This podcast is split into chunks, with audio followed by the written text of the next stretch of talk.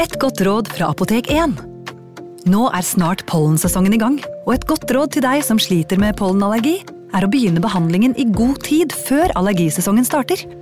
Da får du nemlig enda bedre effekt av legemidlene, og så blir ikke våren din helt ødelagt. Kom innom og få råd på ditt nærmeste Apotek 1, eller chat med oss på apotek1.no. Apotek 1 vår kunnskap, din trygghet.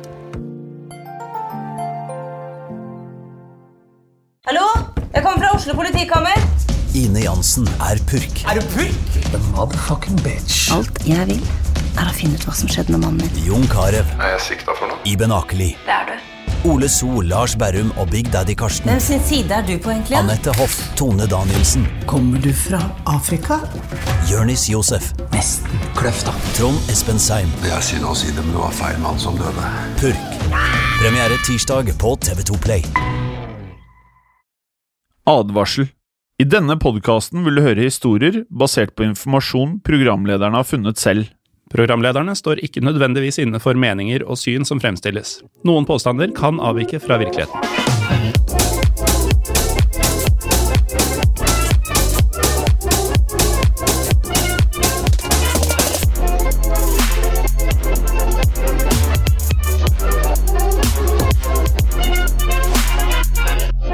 Velkommen til Historiepodden. Jeg er Jim Fasheim. Og jeg er Morten Galaasen. Hei, Morten. Hvordan står det til? Hei, Jim. jo, det rusler og går. Det, det lysner jo til både, både været og diverse tiltak, så denne uka har jeg faktisk vært på serveringssteder her i Oslo. Og det, det var et hjertelig gjensyn. Ja, det tror jeg på. Jeg har fortsatt ikke turt det sjæl. Men eh, jeg er jo tilbake på kontoret på dagtid, og det har gjort en god del med både humør og egentlig alt, altså. Beste uka på ni uker, eller hvor lenge vi har holdt på sånn som dette her. Ja, det begynner å bli en stund. Mm. Så det betyr også at uh, i den grad du føler deg bekvem med det, så kan jo da faktisk uh, historiepodden om ikke lenge også spilles inn i studio. Hvis man vil. Det er sant, det. Vi klarer jo fint å sitte Det er jo lange bord der inne, så vi kan Ja. fint sitte med anstendig avstand og Ja. prate der. Ja, spesielt i Studio Rogan. Der er det jo ekstra langt mellom stolene. Ja, og da vil jo teknikerne bli glad også, hvis uh, de kan få litt mindre jobb, som det jo tross alt eh, vil bli når vi en Ja. gang kommer tilbake i studio. Ja, og så er det jo sånn at uh, de, de driver og forsker på å ta på sånne brødposer på mikrofonene. Så i stedet for å antibac alt og ta av mikrofonen og styre og ordne, så er det bare av på med brødposene. Og det, hvis lyden blir bra av det, så tror jeg det blir veien fremover. Ja. Og hvis ikke, så finner man ut en ny måte å lage knitrete lyd på. Sånn som hipstere og indie-rockere liker. Ja. Godt forslag, Morten. Eh, I dagens episode så eh, skal vi forbli i Norge, det er vel lov å si? Ja, det, det er fullt lov å si. Eh, Det er jo litt annerledes tider denne våren med, med dette koronaviruset, covid-19 og alt som følger med det. Så vi tenkte at vi skulle snakke om noe som er kjent og kjært for oss eh, her i Norge. Ja, og gjerne noe som eh, hadde ikke vært for covid-19, så ville nok eh, denne kjente og kjære dagen, som kanskje sier noe om hva vi skal prate om i dag, blitt feira litt annerledes. Som, som betyr at vi da skal innom nasjonaldagen til Norge, altså 17. mai. Ja, og eh, mange har jo hatt om eh, hvordan 17. mai ble vår nasjonaldag eh, på skolen. Men vi tenkte å ha en detaljert liten oppfrisker om hva som skjedde både i forkant og etterkant, og hva, hva det førte til. Og I tillegg så tenkte vi å ta for oss 17. mai gjennom historien, fra nasjonaldagens opprinnelse og frem til i dag. Helt riktig. For eh, mange av tradisjonene, Morten, eh, som vi da forbinder med 17. mai, de oppsto jo på et tidspunkt. Og så har det jo blitt kanskje endra, og forskjellige miljøer har forskjellige måter å utøve denne feiringen på. Men eh, vi tenkte da å kanskje gå litt mer i hvordan tradisjonens begynnelse eh, hadde seg, da. Ja, for eh, 17. mai har jo ikke alltid sett ut sånn som eh, vi er oppvokst med at den er. Altså, det har ikke alltid vært eh, barnetog, is og pølser og tivoli og sånn. Eh, og siden årets 17. mai blir eh, en litt utradisjonell eh, versjon, så tenkte vi å minne lytterne på hvorfor denne dagen er viktig for hele Norge.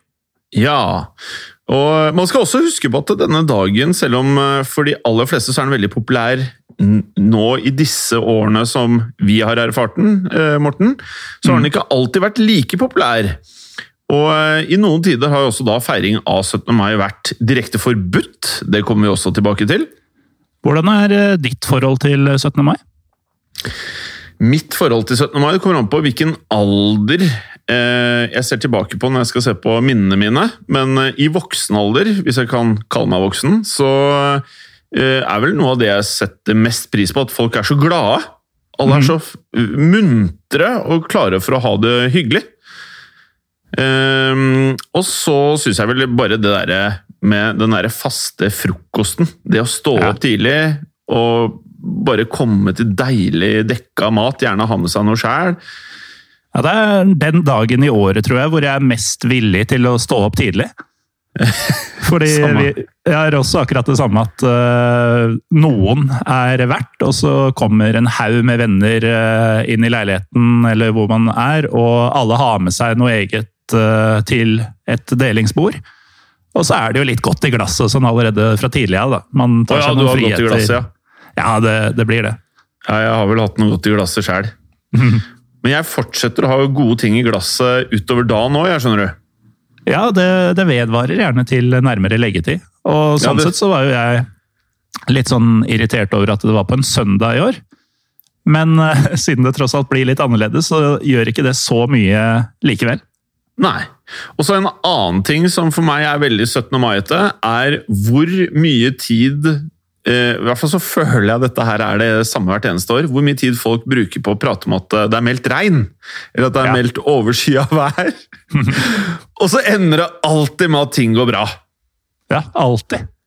Det, Jeg, jeg tror ikke, Nå er det mulig jeg har litt selektiv hukommelse, men jeg, jeg kan ikke huske å ha sett et vått barnetog. ikke jeg heller. Noensinne. Nå, nå skal det sies at jeg ser ikke på så mye barnetog, akkurat.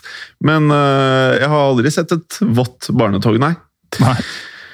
Ok, eh, for å få en god oversikt da over historien bak denne nasjonale, altså denne deilige feiringen, vår eh, folkekjære nasjonaldag, så må vi tilbake til 1814. Ja, Man skulle tro det, men man må jo egentlig, som vanlig i historiepodden, enda lenger tilbake enn man antar. Eh, Om vi skal ha hele historien til eh, nasjonaldagen vår, så må vi faktisk eh, starte i 1397. Altså over 400 år før 1814. Ja, vi må faktisk det. For i 1397 gikk nemlig Danmark, Norge og Sverige inn i det vi har pratet om tidligere, som ble kalt for Kalmarunionen. Som da i utgangspunktet var en politisk forening der de tre rikene skulle ha en felles konge. Og Allerede her så skjønner man jo at uh, dette er kanskje en god tanke, men uh, det må jo by på noen problemer, eller noen utfordringer, da. For det skulle være fred mellom disse tre rikene, og det skulle sammen være et forsvarsforbund, som også er en god idé. I Ja. teorien. I teorien. Det vil si at de skulle samarbeide om å forsvare seg dersom ett eller flere av landene skulle bli angrepet. Og du nevnte, Jim, at vi har vært innom Kalmarunionen tidligere. Eh, Det husker kanskje lytterne fra episoden om eh, Kristian 2. og um, Stockholms blodbad, som vi hadde i starten av denne sesongen. eh, At Sverige var veldig lite interessert i å forbli i Kalmarunionen. Eh, Så de brøt eh, ut på egen hånd flere ganger, altså stadig vekk, før de da ble gjenerobret. Men i 1523, da var de helt ute av unionen, helt selvstendige med sin egen konge. Ja. Dette førte derfor til at det kun da var Danmark og Norge igjen i denne unionen. Og formelt sett var begge landene på et vis da likestilt, men dette endret seg i 1537. Danmark hadde blitt den mer dominerende parten, og Norge hadde på denne tiden ikke så veldig mye du skulle sagt. Nei, og i 1536 så møtte kongen av Kalmarunionen den danske adelen, og sammen bestemte disse at Norge ikke lenger skulle være et selvstendig land. Norge skulle rett og slett bli et lydrike, som han kalte det, under Danmark. Ja, og et lydrike, det visste ikke jeg helt hva var før vi hoppet inn i denne episoden her, så jeg kan forklare litt. Et lydrike er da et land med begrenset selvstendighet som er underordnet et annet land. Et lydrike er som man kan tenke seg også påbudt å følge reglene i landet som det er underordnet. Dette betydde at Norge fra året etter, altså med andre ord 1537, var underordnet Danmark. Og fra da var det Danmark som bestemte over Norge. Og dette kom nok ikke som noen eh, bombe på Norge og nordmennene, for eh, også før dette så var det sånn at eh, kongen var aldri i Norge, han var i København, og de viktige stillingene i Norge de ble fylt av utenlandske og danske menn. Ja. Samtidig som dette pågikk, bredte reformasjonen seg utover Europa, og flere land gikk fra katolisisme, altså den kristne katolske tro, til protestantisme. Jeg ønsker å legge til at under katolisismen så var maktfordelingen annerledes enn den er i dag. For det var erkebiskopen i Norge som var Norges mektigste mann, ettersom han ledet både kirken og riksrådet. Men dette skulle snart endre seg, for eh, Danmark de fikk øynene opp for protestantismen. De innførte den hos eh, seg, og siden de hadde bestemt at Norge var Danmarks lydrike, så avsatte de Norges erkebiskop og innførte protestantismen i 1536 og 1537. Og dermed mistet Norge både religion og riksråd, og hadde blitt en dansk provins. Ja, og i 1660 erklærte den dansk-norske kongen, altså Fredrik 3., at han hadde enevelde over hele Danmark-Norge. Fram til da hadde han måttet dele makten med adelen, men dette skulle nå endre seg. For med et brudd mellom kongen og adelen fikk kongen gjort adelen politisk umyndiggjort, som førte til at kongen fremover ville sitte med enorm makt. Dette betød at all makt over Norge i realiteten ville ligge hos kongen i København. Og sånn fortsatte det frem til året vi tidligere var innom, 1814. Ja, og litt før 1814 så hadde det jo skjedd mye dramatisk i Europa. Mellom 1802 og 1815 hadde det pågått en nærmest sammenhengende krigstilstand på kontinentet, som ble kalt eh, napoleonskrigene. Ja, og Napoleon må jo de aller aller fleste ha hørt om. Vi nevnte han så vidt det var i historiebånden tidligere, i episoden om eh, den franske revolusjonen. I 1799 begikk general Napoleon Bonaparte et statskupp og grep makten i Frankrike, som kun var ti år etter den franske revolusjonen. Og da var eh, Frankrike allerede i et par eh, revolusjonskriger med europeiske stormakter, men eh, Napoleon skulle snart føre enda flere kriger enn de allerede var i. Han forsøkte bl.a. på et tidspunkt å invadere selveste Storbritannia. Ja. I dag tar vi bare napoleonskrigene veldig løst og ledig her. Det er vel gitt at vi i fremtiden Morten, må kjøre en episodeserie her i Historiepodden på Napoleon. Men det som er relevant i dag, er det at Sverige var alliert med landene som sto mot Napoleon. Dette var land som Storbritannia, Russland, Prøysen og Østerrike. Og Danmark-Norge sto på motsatt side og ble etter hvert alliert med Napoleon. Men eh, Napoleon han måtte gi tapt. Hans eh, endelige tap var i Waterloo. Det er mange som ville sagt Waterloo, men dette er faktisk ja, i Belgia. Mm. Jeg tenker Waterloo. Eh, den 18. juni skjedde i hvert fall dette, 1815. og mange av hans hærer og allierte de hadde gitt tapt allerede i 1813. Og det er der det som kalles Kiel-traktaten kommer inn i bildet.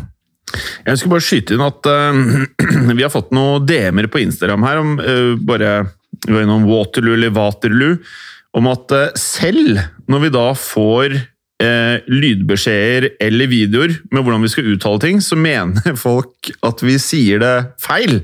Ja, At vi ikke klarer å etterligne videoene ordentlig? Ja, kan du skjønne? Nei, det er bare tull fra deres side.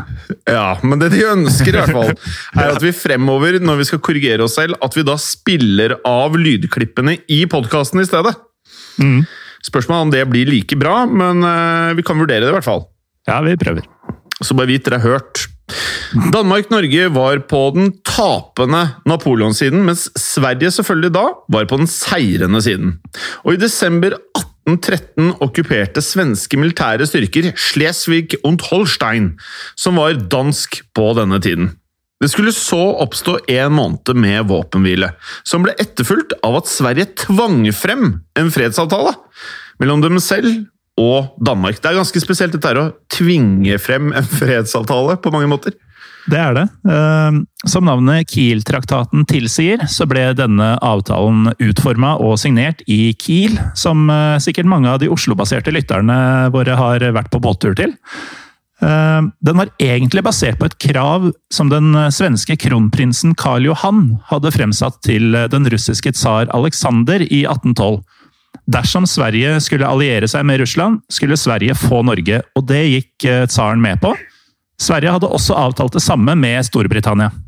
Ja, så hensiktsmessig for uh, Sverige. Ja. Karl Johan han var kronprins på denne tiden. Men siden Sveriges konge, altså kong Karl 3., var gammel og syk, så fungerte Karl Johan i praksis som Sveriges øverste leder. Og Karl Johan han ønsket Norge.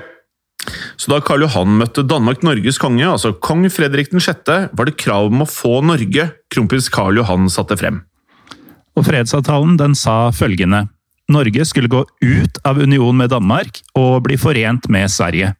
Og til gjengjeld for tapet av Norge, så skulle Danmark få det svenske Pommern, eh, et landskap som i dag er vel både tysk og polsk, og Rugen, en øy som i dag er tysk. Og i tillegg så fikk Danmark én million riksdaler for å si fra seg Norge. Hørtes greit ut. I avtalen sto det også at da Danmark skulle få Island, Grønland og Færøyene. Som enda et plaster på såret skulle Sverige påta seg Norges del av gamle Danmark-Norges krigsgjeld. Altså, det høres jo ut som at eh, selv om Danmark mista Norge, så virker det ikke som Danmark kom sånn altfor ille fra disse fredsforhandlingene. Nei, Altså, eh, det er greit med kompensasjon for en tapende part, eh, dette her. Én million riksdaler. Eh, Svenskene overtok Norges gjeld, og Danmark fikk da en rekke områder, som du nevnte nå. ja. For selv om de mistet Norge etter over 400 år i union, så føles det vel som at en tapende part her kunne og kanskje burde ha kommet dårligere ut av eh, forhandlingene. Ja, De var så fornøyde at eh, Kiel-traktaten ble undertegna den 14. januar 1814. og Det medførte at den 434 år lange unionen mellom Danmark og Norge offisielt var oppløst. Den eh, eneveldige makta kongen i København hadde over Norge, var over. Ja. Og oppmerksomme lyttere har eh, kanskje lagt merke til at eh, vi snakket om svenskene og danskene i forhandlingene om avtalen, men ikke nordmennene. Og det har seg nemlig slik at selv om fredsforhandlingene i stor grad handlet om Norge, så hadde ikke nordmennene noen som helst påvirkningskraft på dette utfallet. Faktisk så var det ikke én eneste nordmann som deltok i disse forhandlingene om eh, Norge. Eh, Her var det bare konger og makthavere som, som ga bort råderett over folk og land som det passa dem. Ja, praktisk. Så da bør vi jo kanskje ta en kikk på hva nordmenn i Norge på den tiden her da egentlig mente om at eh, landet deres plutselig hadde blitt bare gitt vekk. Og det var jo ikke noen selvfølge at eh, nordmennene skulle akseptere en sånn eh, beslutning som ble tatt rett over hodet på dem. Altså, som vi var inne på, så var det jo ikke så lenge siden eh, den franske revolusjonen i 1789. Og rett før det så hadde vi jo den amerikanske revolusjonen i 1776. Og tankene om eh, det som kalles folkesuverenitet, eh, altså at eh, folket hadde en selvstendig rett til å bestemme over eh, stat og styreform, det var jo viktige tanker i disse revolusjonene. Og det var også tanker som hadde bredt om seg, og også nådd Norge. Og I tillegg var det visse lovkyndige som mente at Kiel-traktaten egentlig ga et grunnlag for at Norge kunne velge styresmakt helt selv. Og I en artikkel fra traktaten sa danske kong Fredrik at han løslot Norge fra eden til arvekongedømmet. Som betød at Norge ikke lenger var pålagt å følge noen konge eller kongens arvinger. Lovkyndige nordmenn mente at eh, denne artikkelen betydde at det norske folk skulle og kunne velge styreform og overhode helt selv. Og På denne tiden så hadde Norge en dansk eh, stattholder. Norges stattholder på den tiden, Christian Fredrik, var også den danske kronprinsen. Ja, og her er dette ordet stattholder, det er greit å bare kort si at det var da en stedfortreder, eller en, ja, en form for offisiell representant for kongen. Sånn at denne stattholderen var selve kontakten mellom Norge og de danske embetsmennene og kongen i Copenhagen. Og stattholder og prins Christian Fredrik han nektet å bøye seg for Kiel-traktaten. Siden prins Christian Fredrik var kronprins i Danmark og stattholder i Norge, så mente han at han faktisk hadde krav på å bli konge av Norge. Og han var veldig for at Norge skulle bli et selvstendig land, men med han som konge på toppen. Ja, selvfølgelig. Derfor kalte han de 21 fremste nordmenn fra Østlandet i Norge for å rådføre seg den 16. februar. Han ville høre hva de syntes om at han ville bli konge, og disse 21 nordmennene støttet prosjektet hans om et selvstendig Norge. Lite overraskende, en tanke som da falt i god smak. Men som vi snakket om, så var nordmennene veldig med på denne tidligere tanken om at det var det norske folk som hadde rett til å velge sitt overhode. Forsamlingen eh, Christian Fredrik hadde samla, mente at eh, prinsen måtte konsultere det norske folk gjennom et valg. Og i tillegg så ville de at Norge skulle ha en riksforsamling. Ja. Og den eh, norske eliten hadde bestemt at eh, statsform og statsoverhode skulle bestemmes av folket selv. Derfor skulle de sammenkalle en forsamling i april som kunne lage en grunnlov som skulle sikre et selvstendig Norge. Nå kan man jo lure på hva resten av Norge syntes om ja. Eh, Kiel-traktaten. Om, de, om de var enige og syntes det samme som den norske eliten gjorde. Eh, det vi vet, er at eh, motviljen og opprøret mot eh, Kiel-traktaten var stor. Og det hadde ikke med tapet av Danmark å gjøre. Nei. For motvillen kom ikke av at vi likte Danmark så godt, nei.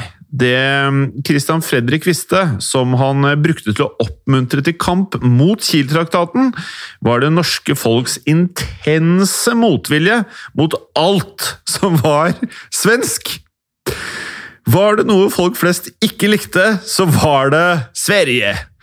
Og nordmenn hadde neimen ikke lyst til å bli svenske, må vi vel kunne si, Morten? Altså, Forholdet vårt til Sverige er jo mye mye bedre i dag, som det er mest sånn erting og de samme vitsene på begge sider og sånn. Eh, men i 1814 så var motstanden mot Kiel-traktaten stor, fordi det ble synonymt med motstanden mot eh, Sverige. Ja, så jeg, jeg syns jo vi i Norge har de beste vitsene Eller vi er overlegne svenskene på vitsefronten. Ja. Så var nasjonen lite villig til å godta en pådyttet internasjonal avtale, må vi kunne si da. Dermed samlet 112 nordmenn seg på Eidsvoll den 10. april. Disse 112 mennene var Norges nye riksforsamling. De hadde blitt valgt som representanter, og valget var nok ikke like demokratisk som eh, vi ville tenkt at det ville vært i dag, siden det var store kommunikasjonsutfordringer i Norge på dette eh, tidspunktet. da. Men eh, det ble i hvert fall en riksforsamling. Noe spesielt her fra den tiden var at alle fylker måtte ha med minst én representant fra bondestanden. Eh, det vil si at dette ikke bare var eliten, men eh, også et bredere samfunnslag. Eh, bønder hadde ikke like stor status som eliten, og var mer som vanlige folk, da. Riksforsamlingen i 1814 besto av 59 embetsmenn, 16 forretningsmenn og 37 bønder. Denne forsamlingen ble altså samlet som vi sa, 10. april, og de debatterte i måneden som fulgte om hvordan Grunnloven skulle utformes, og hva som skulle stå i denne grunnloven. Men nå var det jo ikke sånn at hele landet var med på Christian Fredrik og hans eh, selvstendighetsprosjekt for Norge. En del representanter mente det ville være bedre å droppe Christian Fredrik, og at unionen med Sverige faktisk var beste utvei. De mente at det ikke var sikkert at Norge hadde ressursene til å faktisk klare seg på egen hånd, så små og fattige som vi var. Og vi ville kanskje ikke klare å stå imot stormaktenes vilje, og det var derfor bedre å forhandle med svenskene om gode vilkår i en svensk-norsk union. Stemmer. En prest som het Jonas Rein, ble svært, svært sint over dette, for han var for Norges selvstendighet, selvfølgelig. Det blir brukt mange store ord og mye talekunst i debattene på Eidsvoll, og her er da et uh, sitat fra en tale Jonas Rein uh, som ble holdt 13. mai. Lykke til, Jim. Tusen takk, Morten. Da man skrev år efter Kristi byrd, 1814, da solgte Norges mand deres nasjons gamle hæder, deres frihet og uavhengighet, deres børns odel for en sum hvor med hver mand kunne kjøpe en trønde korn. Da ville de forbande vort minde og bittert spitte hvor usselhed. Så for å oversette det til eh, eh mer dagligdags 2020-norsk, eh, så ja. mente han altså at eh, dersom Norge gikk inn i frivillig union med Sverige, så ville deres barn forbanne deres minne og snakke bittert om deres usselhet. Så her var det med andre ord sterke følelser i sving. Ja, Å være ussel, det vil man jo helst ikke, da.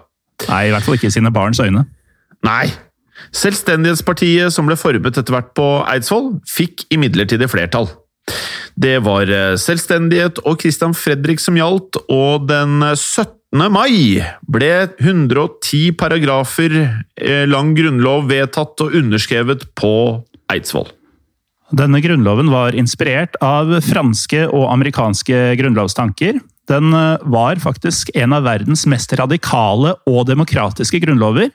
Grunnlaget besto bl.a. av prinsipper om folkesuvereniteten og maktfordeling, det vil si at eh, konger ikke skulle ha eneveldig makt.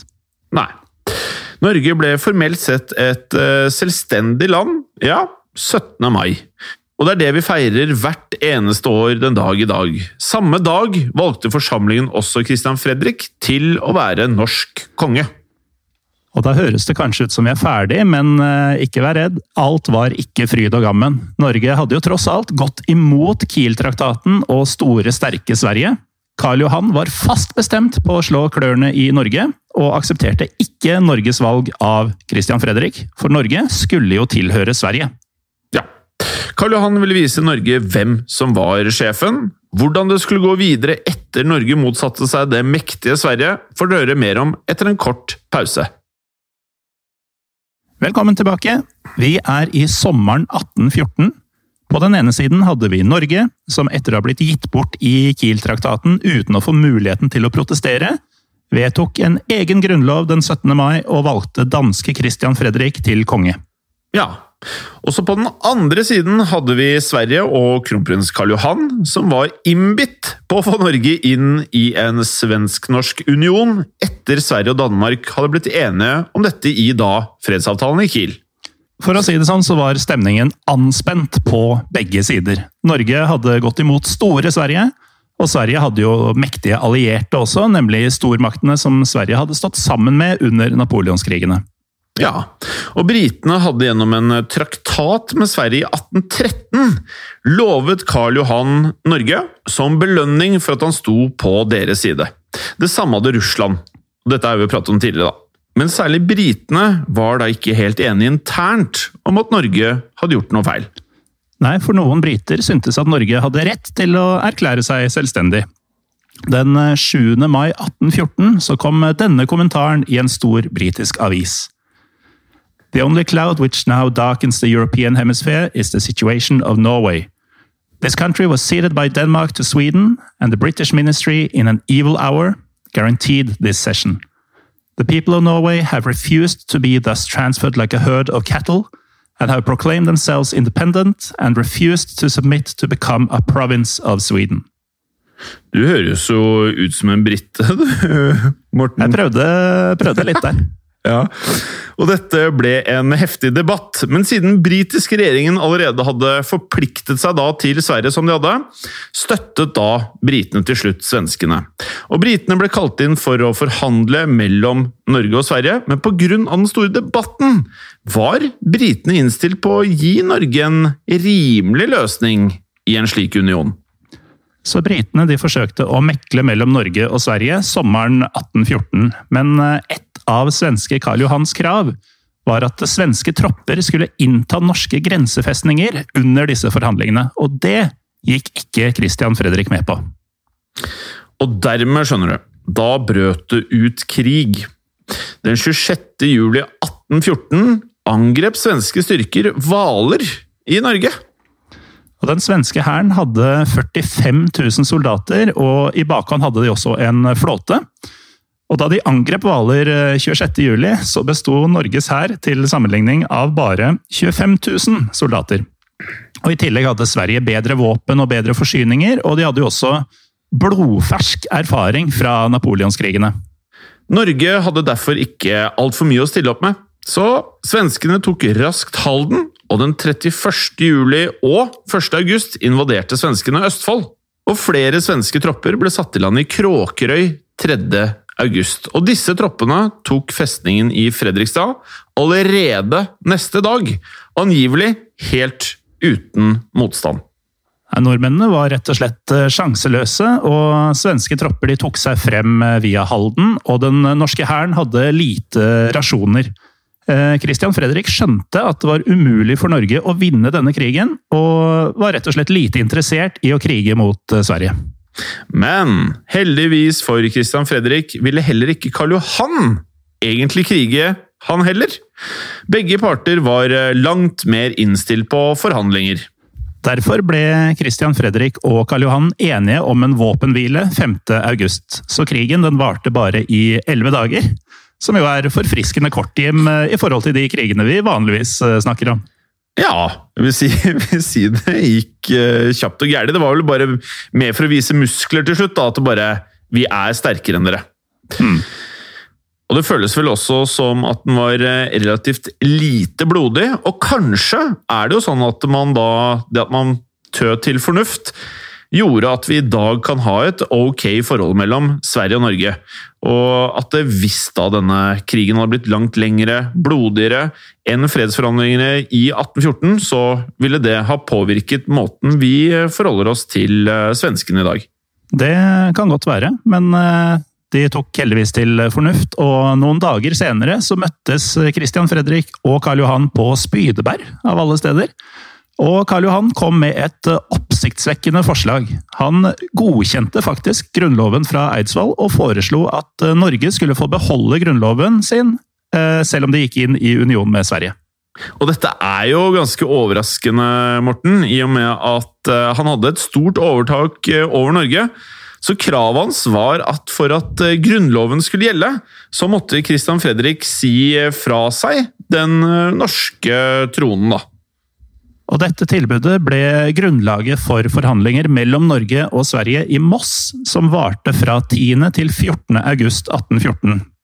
Og disse forhandlingene de førte til en våpenhvileavtale, og i denne avtalen så sto det at partene skulle forhandle videre for å finne betingelser for den nye unionen. Ja, Det sto også om hvordan Christian Fredrik skulle gi fra seg makten, og at eh, Norge skulle velge en ny konge. Det skulle også kalles sammen et nytt storting, som var navnet på Norges nye riksforsamling. Enhver endring i Grunnloven måtte godkjennes av det nye norske stortinget, og i avtalen sto også betingelsene for selve våpenhvilen. Dermed var krigen mellom Norge og Sverige offisielt over. Og den 7. oktober 1814 ble Norges nye storting sammenkalt, og 20. oktober ble unionen mellom Sverige og Norge formelt vedtatt. Den 4. november valgte vi en ny konge, Karl 13., kongen av Sverige, som ble kjent som Karl 2. i Norge. Veldig praktisk. Karl Johan var eh, Karl 13.s tronfølger, og siden svenskekongen var rimelig gammel og svak da han ble valgt til norsk konge, overtok Karl Johan hans plass da kongen døde. Dermed ble Karl Johan Norges konge fra 1818. Og under Sverige så var Norge relativt eh, fritt, med fritt indre selvstyre, som det heter. Eh, Norge og Sverige de hadde felles konge og felles utenrikspolitikk, men eh, det stoppa liksom der. Sverige prøvde aldri å forsvenske Norge med å innføre svensk skriftspråk eller slå ned på norsk kulturarv. Norge fikk en ok ordning, må vel kunne si da, Morten? Det må vi kunne si. Og resten av årene vi var i union med Sverige, fram til frigjøringen i 1905, det er en annen historie for kanskje en annen episode. Men uh, tilbake til dette med feiringen av 17. mai. Det er jo, som vi var inne på tidligere, det er jo den dagen i året der flest mennesker er mest interessert i værmeldinga. Ja, det er det. Vær har mye å si for eh, festplanene til eh, folk flest eh, denne dagen. Men 17. mai ble ikke vår nasjonaldag med en gang, skjønner du. Og De første årene etter 1814 ble dagen bare feiret noen steder, som private festligheter, gjerne. Og ett sted som skal være spesielt kjent for å ha mye 17. mai-feiringer opp gjennom historien, Morten, vet du hvor det er? Det tipper jeg er nord for der vi sitter. Ja, det er i Trondheim! Der skal de vært mm. meget glad i å feire. Men på tiårsjubileet for undertegnelsen av Grunnloven, altså 17. mai 1824, da ble dagen feiret i visse kretser i Oslo, som på denne tiden het Kristiania. Og dette var spesielt fordi feiringen var inspirert av et sammenstøt mellom kong Karl Johan og det norske Stortinget. Ja. Kong Karl Johan hadde nemlig blitt mindre interessert i å bevare Norges grunnlov, siden han ble enig med Christian Fredrik i 1814. Og I 1821 satte Karl Johan frem et forslag om en endring av grunnloven, så kongen, altså Karl Johan, skulle ha rett til absolutt veto! Og det er ganske praktisk, eh, Morten. Mm. Altså kunne han si nei til alt Stortinget kom med om han da ønsket. Og Karl Johan han ville også endre grunnloven så kongen hadde rett til å oppløse Stortinget, bestemme Stortingets sakliste og avsette embetsmenn som det passet han. Dette svarte Stortinget og det som het eh, Konstitusjonskomiteen åpenbart nei til i 1824. Avslaget mot kongens ønske om mer makt over Norge inspirerte denne nasjonalfølelsen, og feiringen fikk et preg av eh, antisvenskhet, kan man si. Ja, og dette fikk jo selvsagt Karl Johan med seg. Eh, og surprise, surprise, han likte det ikke i det hele tatt. Eh, Nei. Så han begynte å advare folk mot å feire 17. mai, og snart så forbød han nordmenn å markere 17. mai. Eh, noe som selvsagt blusset opp eh, nasjonalfølelsen rundt dagen enda mer. Det gjorde den, og i 1829 samlet store store folkemasser seg på Stortorvet i Kristiania 17. mai, med rop og sang. For å opprettholde forbudet mot 17. Eh, mai-feiringen tilkalte myndighetene kavaleriet for å jage bort og da påfølgende arrestere feirende nordmenn. Dette ble kjent som Torgslaget i ettertid. Men etter Torgslaget så sluttet Karl Johan å gripe inn i 17. mai-feiringene. Ehm, kanskje følte han at eh, det ikke var noe han kunne hindre, eller at han vurderte det som et nødvendig onde for å holde nordmennene blide. Eller kanskje han hadde helt andre grunner, hva vet vi. Men i 1836 da feiret i alle fall til og med Stortinget 17. mai-fest, og det året ble 17. mai innstiftet som nasjonaldag. Ja. Karl Johan han døde i 1844, og det ble langt mer vanlig med offentlige taler og borgertog etter dette. Hans etterfølger slo heller ikke ned på 17. mai-feiringen, heldigvis. Og en uh, fyr som de aller fleste har hørt navnet til, uh, den kjente dikteren Henrik Wergeland, han kan uh, sies å innføre nasjonaldagen ute blant folk flest gjennom sine dikt og sine taler. I 1869 så kom den endelige versjonen av Ja, vi elsker, med tekst av Bjørnstjerne Bjørnson og melodi av Rikard Nordtråk. Den skal ikke vi synge for dere, men Jeg trodde ja. du skulle ta den nå, Morten. Nei, jeg, eh, jeg, tror lytterne også var redd for det, men det skal de få slippe eh, i, i, disse festdager.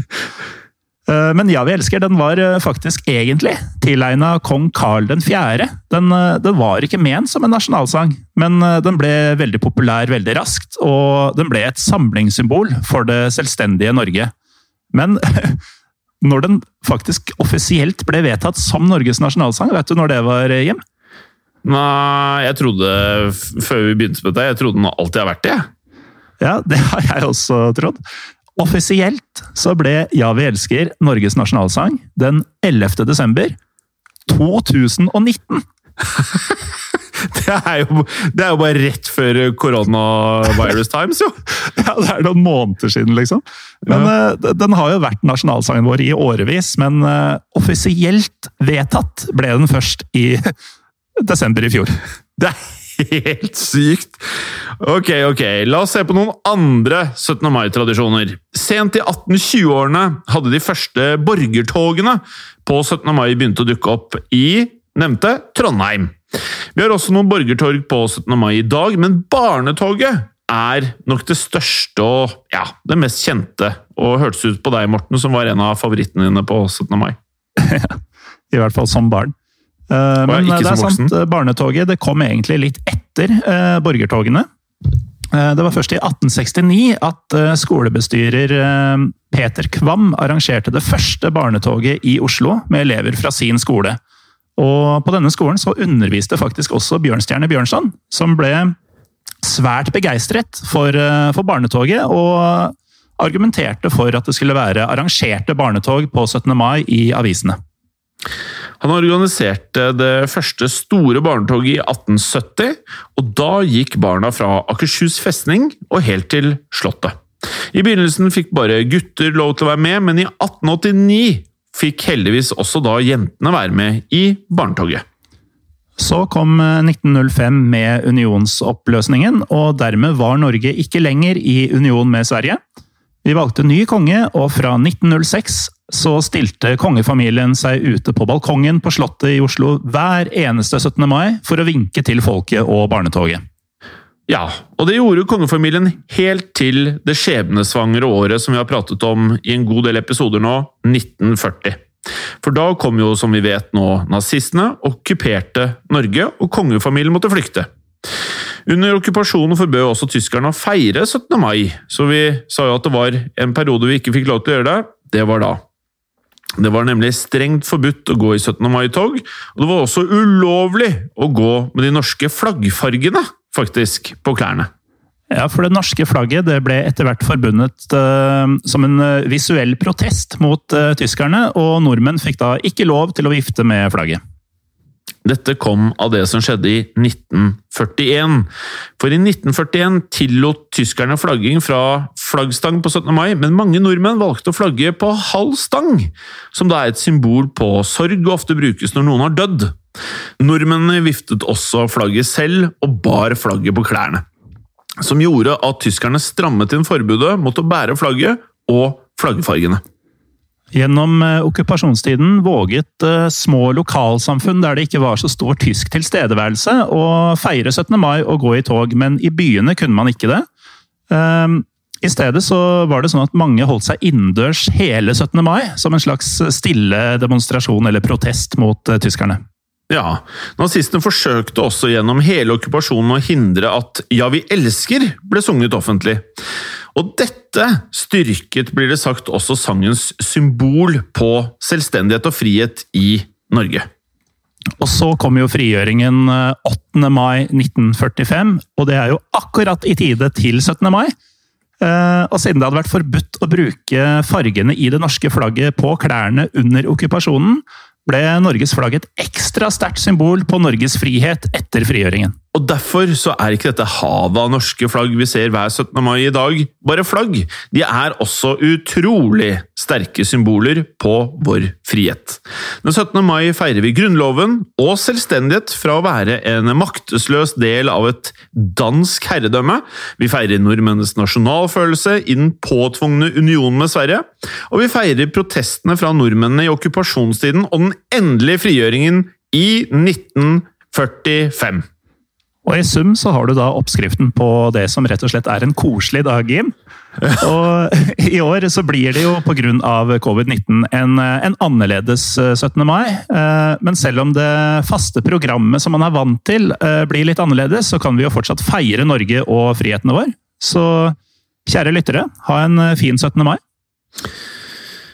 Ja, og du Morten, jeg ønsker deg en riktig god 17. mai. Eh, og med det så er vi ferdig med en meget lærerik episode for meg, iallfall, Morten. Enig, og god 17. mai til deg også. Som, Å, tusen takk. eh, jeg følte den eh, måtte nesten gjengjeldes. Ja, det var hyggelig. Men jeg er helt enig. Det var en del her som jeg ikke husker å ha fått med meg på skolen. Om det er fordi jeg ikke fulgte med, eller fordi det ikke ble lagt vekt på alt, det skal jeg ikke si. Men øh, håper i hvert fall at det også for lytterne har vært en opplysende episode om 17. mai og norsk selvstendighet. Og så kan man jo, hvis man da har hørt på denne episoden av Historiebåten før 17. mai, skryte litt på under frokosten hvis man skal ha frokost, eller til foreldre eller til venner, med informasjon som jeg tror veldig mange ikke er klar over. Ja, ja. Og Hvis man er skoleelev og hører denne for på tirsdag når eh, episoden er ute, så kan man jo faktisk flashe dette i arbeid med 17. mai-greier i skoletimene utover uka. Ja, det er, det er, mye man kan gjøre med denne episoden. Den er nesten litt magisk. Det er en magisk episode, som alle andre episoder. da. Ja, som alle andre, Morten. Eh, vi ønsker å minne om at vi har en Instagram-konto som heter Historiepodden Norge. Og vi har en Facebook-side som heter Historiepodden Norge. Og vår raskt voksende Facebook-side, eller forum, kaller vi det. Gruppe? Som heter ja, gruppe er det det heter. Ja, ja. Gruppe, ja det er riktig. Historie for alle heter den. Og der, sakte, men sikkert, så øker aktiviteten der, og det er gøy. Vi er nå på 1200 eller 1300 medlemmer. Så jo flere vi er, og jo flere som deler ting i gruppen, jo morsommere blir det å være der inne. Så vårt håp er jo at folk deler alt fra bøker om historie, filmer om historie, historier, dagbøker fra kanskje en mormor eller bestefar, eller hva det måtte være. Og med det, Morten, så kan vi vel si det som vi pleier. Det har skjedd. Og det kan skje igjen. I produksjonen av Historiepodden så ønsker vi å takke Håkon Bråten for lyd og musikk. Takk til Felix Hernes for produksjon. Takk til Ellen Froktenestad for tekst og manus. Og takk til deg, Morten Galesen, for programlederrolle. Og takk til deg, Jim Fosheim, for programlederrolle. Moderne media. Har du et enkeltpersonforetak eller en liten bedrift? Da er du sikkert lei av å høre meg snakke om hvor enkelt det er med kvitteringer og bilag i fiken, så vi gir oss her, vi. Fordi vi liker enkelt. Fiken superenkelt regnskap. Hei, og takk for at du lytter til Historiepodden. Skulle du ønske at du kunne høre en ny episode av Historiepodden hver eneste uke? Vel, da er det én ting å gjøre. Da kan du laste ned podkastappen Untold med det samme. For i tillegg til ukentlige episoder av podkaster som Historiepodden andre verdenskrig, Henrettelsespodden og også Gangsterpodden, så får du masse annet reklamefritt og også eksklusivt innhold. Last ned Untold i AppStore eller Google Play og start din 30 dagers gratis prøveperiode allerede i dag.